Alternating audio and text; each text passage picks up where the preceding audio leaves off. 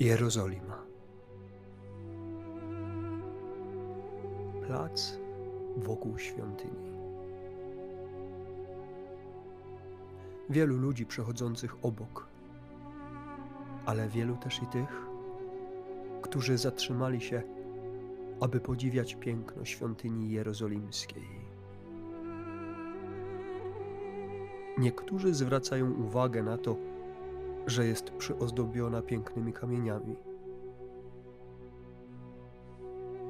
Inni zaś podziwiają jej ogrom. Była bowiem zbudowana z najlepszej jej jakości kamieni. Niektóre z nich sięgały nawet 12 metrów szerokości. Była także ozdobiona złotem i srebrem. Kiedy tak stoisz razem z innymi, przysłuchujesz się temu, co mówią, jak zachwycają się przepychem świątyni jerozolimskiej, zauważasz przychodzącego Jezusa. Wiesz, że zapewne coś powie.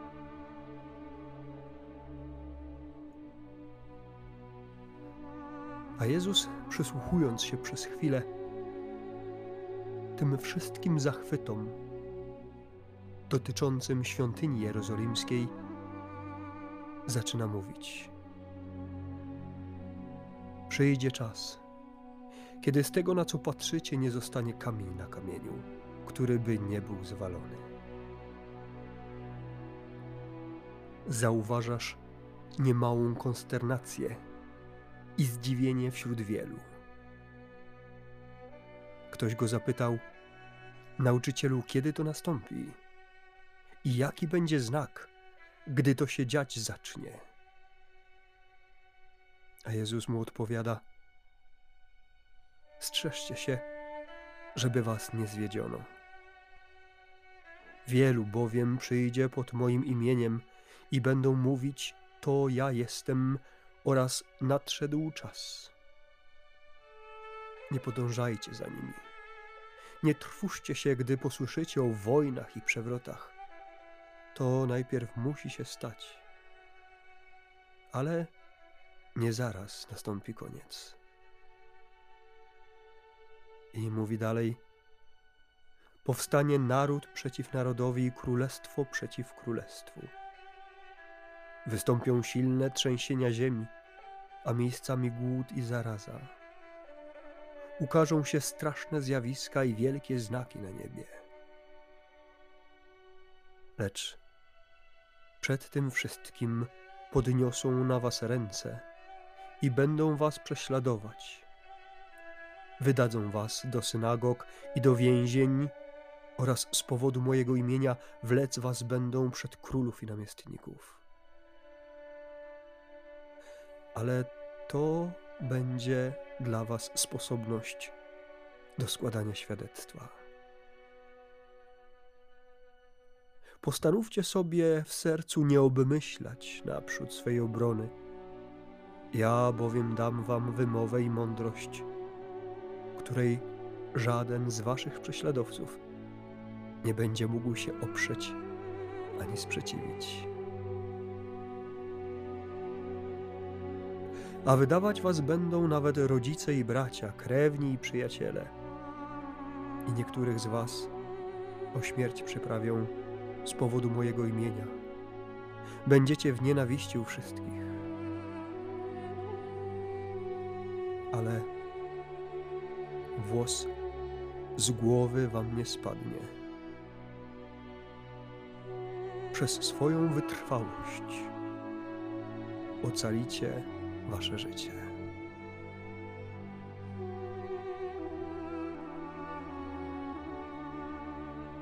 Po tych słowach Jezus odchodzi. A ty zostajesz i patrząc dalej w przepych świątyni jerozolimskiej, zaczynasz się zastanawiać nad tym, co właściwie Jezus chciał powiedzieć. Jego słowa brzmią bardzo przerażająco. Mówi bowiem o upadku tej jakże niesamowitej świątyni. Aż trudno uwierzyć, kiedy człowiek patrzy na jej przepych, na jej potęgę, na jej siłę, że miałaby kiedykolwiek być zniszczona. A później mówi Jezus o tych wszystkich trudnych doświadczeniach. Mówi o fałszywych prorokach i przestrzega, aby za nimi nie iść. Mówi też i o konfliktach, tych globalnych, ale też i tych w najbliższym środowisku, w rodzinach.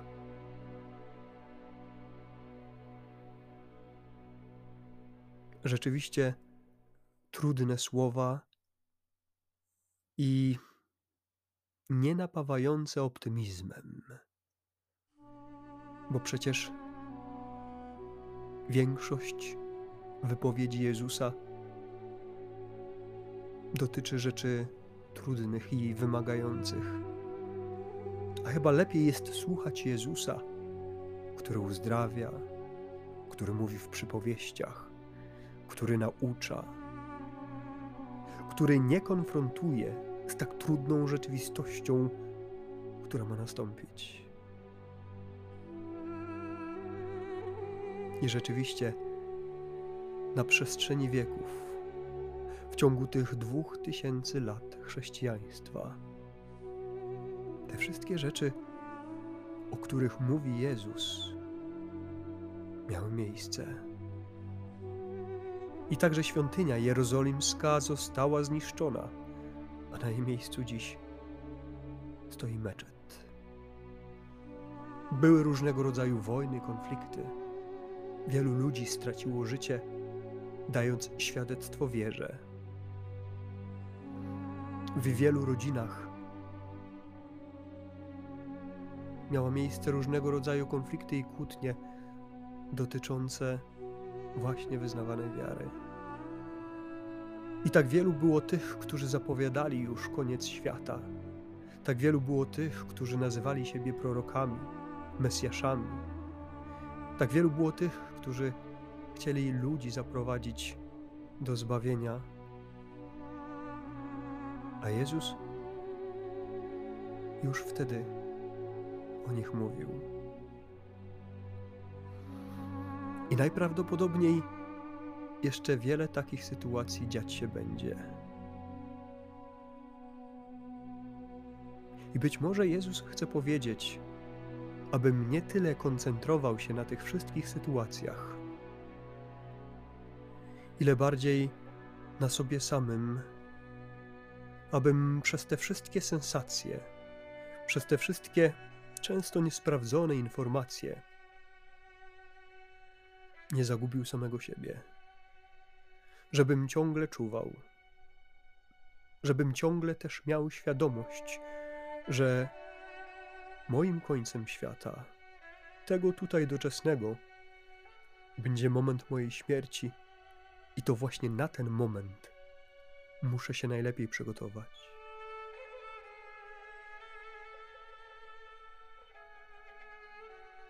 Być może doświadczę sytuacji, o których mówi Jezus.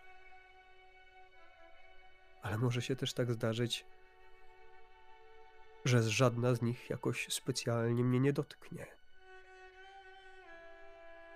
Jednak warto, a chyba nawet i trzeba, mieć te słowa na uwadze. Zwłaszcza kiedy Jezus mówi, aby sobie nie obmyślać sposobów swojej obrony wtedy, kiedy ktoś będzie nam zarzucał, że nasza wiara jest wiarą głupią, nielogiczną, bezsensowną, kiedy będziemy musieli stanąć w obronie naszej wiary. Jezus zachęca, aby w wielkiej ufności, z wielką wiarą, otworzyć się na Jego natchnienia.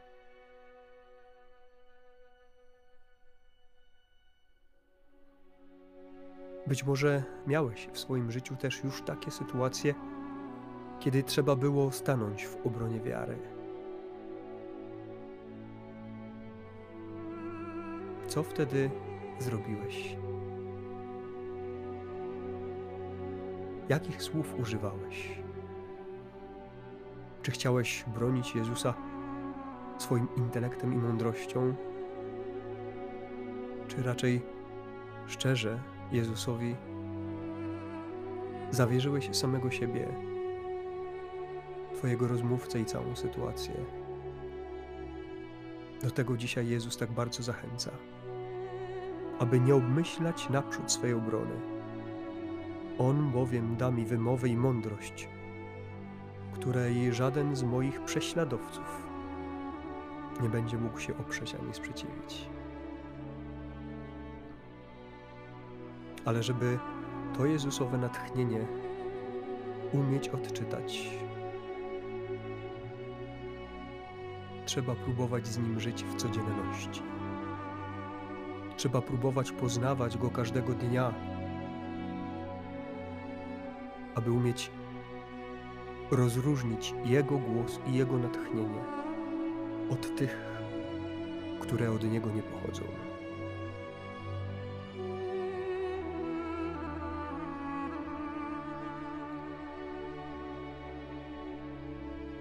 Ale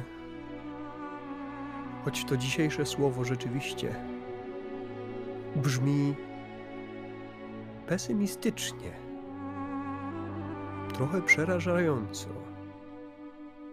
to jednak chyba najważniejsze, aby moja uwaga skupiła się najbardziej na dwóch ostatnich Jezusowych zdaniach. A Jezus mówi: Ale włos z głowy wam nie spadnie.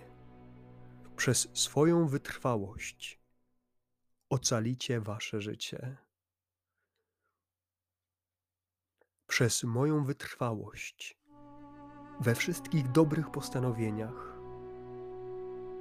w tym wszystkim, na czym mi zależy, moja wytrwałość w tym wszystkim, co po rozeznaniu nazywam jako dobre,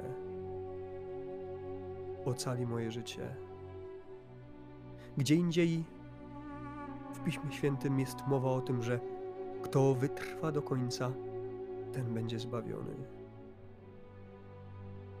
Moja wytrwałość w dobrem